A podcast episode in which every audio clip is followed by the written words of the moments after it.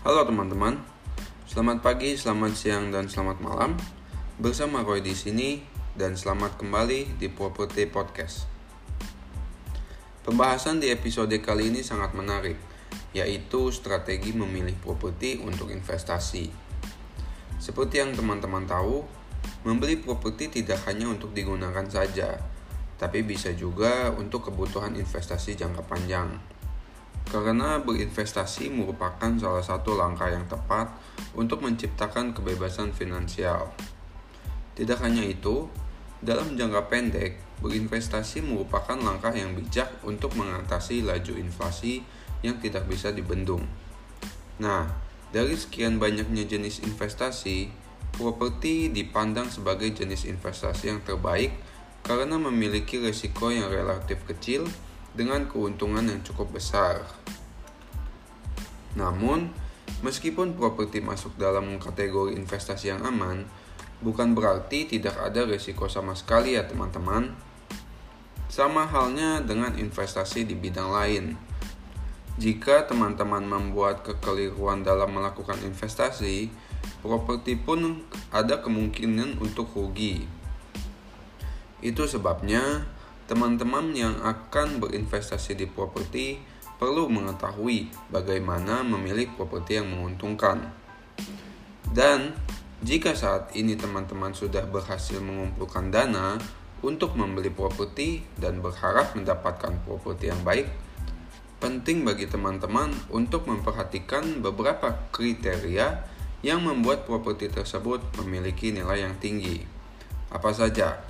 Pertama, lokasi yang strategis. Lokasi merupakan peranan yang sangat besar dalam kesuksesan sebuah proyek properti. Teman-teman akan diuntungkan jika membeli properti yang berada di dalam lokasi strategis, karena harga properti akan mudah untuk beranjak naik. Lokasi strategis adalah lokasi yang permintaan terhadap properti lebih tinggi dari penyediaannya, atau demand lebih besar dari supply. Sudah pasti lokasi tersebut berada di sekeliling pusat kota yang tentu saja selalu ada orang yang membutuhkan properti. Nah, jika tujuannya adalah investasi jangka panjang, teman-teman juga pasti tahu lahan kosong semakin sulit didapat di daerah perkotaan. Tidak ada salahnya jika teman-teman mengambil properti di luar kota yang jaraknya tidak jauh dari pusat kota yang sudah maju. Contoh, teman-teman tidak mempunyai budget yang cukup untuk mengambil properti di pusat kota Jakarta. Tidak ada salahnya jika teman-teman mengambil properti di kota lainnya dan yang jaraknya tidak jauh dari Jakarta. Contoh seperti Bogor. Bogor adalah kota yang sedang berkembang. Apalagi akses dari Jakarta ke Bogor tidak terlalu jauh seiring pertumbuhan akses jalan yang semakin baik dan pertumbuhan teknologi kendaraan yang semakin nyaman. Seiring berjalannya waktu, akses ke Bogor mungkin hanya sekitar 20 menit dari Jakarta. Tidak hanya Bogor, kota-kota yang mengelilingi Jakarta juga mempunyai prospek investasi jangka panjang yang baik. Selain itu, faktor kedua, didukung dengan fasilitas yang lengkap. Jika kalian sudah mempunyai target wilayah yang ingin dibeli, pastikan di daerah properti tersebut mempunyai pembangunan yang signifikan, seperti pembangunan jalan, kantor, perumahan, dan daerah-daerah pusat bisnis atau kuliner. Karena harga jual properti ditentukan juga oleh fasilitas-fasilitas yang berada di lingkungannya. Contoh, fasilitas umum yang sedang dikembangkan atau dibangun oleh pemerintah. Fasilitas tersebut akan membantu mempermudah aktivitas sehari-hari dan juga membuka peluang untuk mengembangkan bisnis lainnya dalam investasi sektor lain di lingkungan tersebut. Hal itulah yang membuat properti yang memiliki fasilitas dibanderol dengan harga yang lebih mahal dengan penjualan yang cukup tinggi ketimbang properti yang kurang fasilitas dan dibanderol dengan harga lebih murah.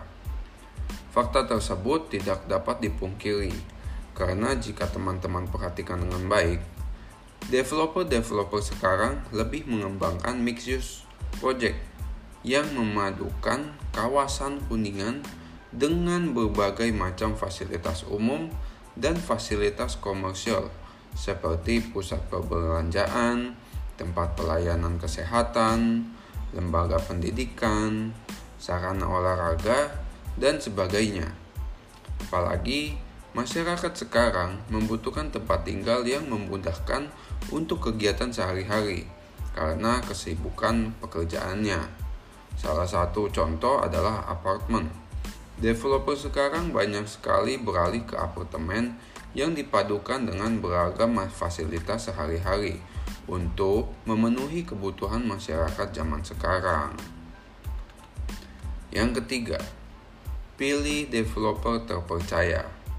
Tidak hanya dalam memilih sebuah lokasi dan fasilitas, teman-teman juga harus menjamin keamanan investasi teman-teman dengan memilih developer yang terpercaya. Pastikan teman-teman membeli properti dari developer yang memiliki kredibilitas yang meyakinkan dengan cara mempelajari rekam jejak perjalanannya. Developer properti yang baik memiliki kesanggupan dalam menghadirkan proyek yang berkualitas. Mereka ditunjang oleh sumber daya manusia yang berkualitas, sehingga kesalahan yang terjadi di dalam proyek sangat kecil sekali.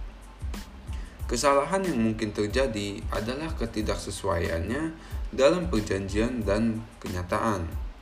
Misalnya, untuk perumahan dijanjikan serah terima kunci dalam 12 bulan, tetapi karena sesuatu hal, kenyataannya serah terima kunci lebih dari 12 bulan. Walaupun biasanya ada denda yang harus dibayarkan oleh developer kepada pembeli, Hal itu menjadikan developer tersebut mempunyai rekam jejak yang kurang baik untuk proyek-proyek selanjutnya. Kesalahan berikutnya adalah ketidaksesuaian antara material bangunan yang digunakan dengan material yang dijanjikan dalam kontrak. Misalnya, teman-teman dijanjikan memakai keramik dengan dimensi 80 x 80. Di kenyataannya, diberikan dimensi 60 x 60 tidak hanya itu, terkadang untuk mengecilkan biaya pembangunan, developer bisa menghilangkan fasilitas-fasilitas yang dijanjikan. Nah, lebih parahnya lagi, ada saja proyek yang terlambat secara keseluruhan atau tidak berjalan sama sekali. Biasanya, masalah ini terjadi jika developer kehabisan uang untuk membangun properti tersebut developer harus menunggu uang masuk atau mencari pinjaman dana untuk melanjutkan proyek tersebut. Maka dari itu, teman-teman perlu mengetahui bahwa developer yang baik memiliki kemampuan dalam perencanaan dan analisis proyek, sehingga dengan kemampuan tersebut mereka sanggup menghadirkan proyek yang bagus dan tidak mengecewakan pembeli. Tetapi Jangan sampai teman-teman terpikirkan untuk mundur berinvestasi di properti karena faktor ini. Karena ini jarang sekali terjadi. Walaupun terjadi, biasanya developer akan mengembalikan uang atau memberikan win-win solution. Yang keempat, perhatikan pergerakan harga properti. Selain teman-teman memperhatikan tiga faktor yang sudah saya sebutkan, Perhatikan pula pergerakan harga properti di kawasan tersebut.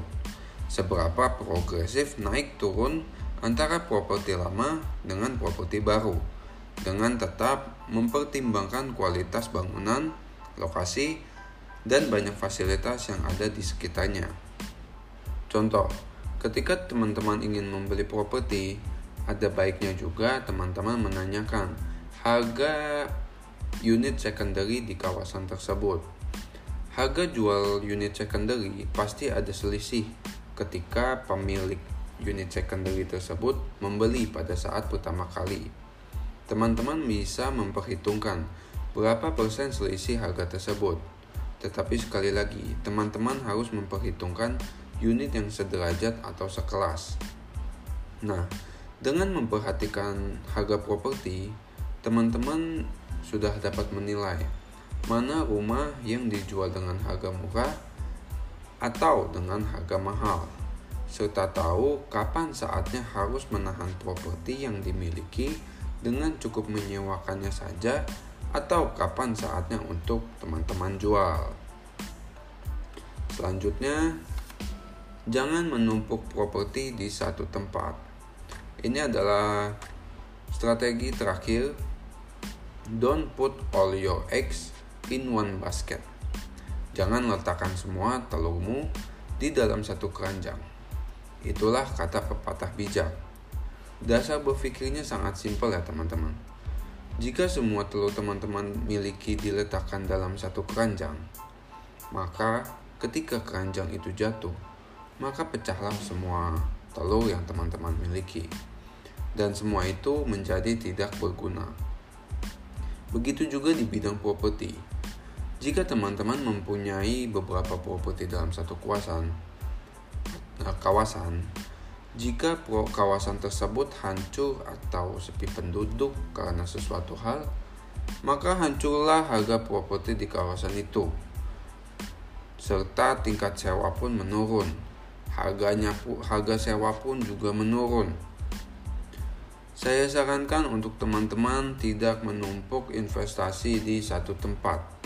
Hal ini untuk mengantisipasi terjadinya berbagai kejadian yang tidak diinginkan. Salah satunya bencana alam. Perbanyak investasi properti Anda, tapi belilah properti yang berlokasi di tempat yang berbeda, bila perlu di lain kota. Seperti yang sudah saya sebutkan di awal, banyak kota lain mempunyai prospek investasi jangka panjang yang baik. Nah, itulah strategi yang bisa teman-teman gunakan dalam memilih properti. Terima kasih sudah mendengarkan episode kali ini. Semoga bisa membantu teman-teman untuk mengambil keputusan.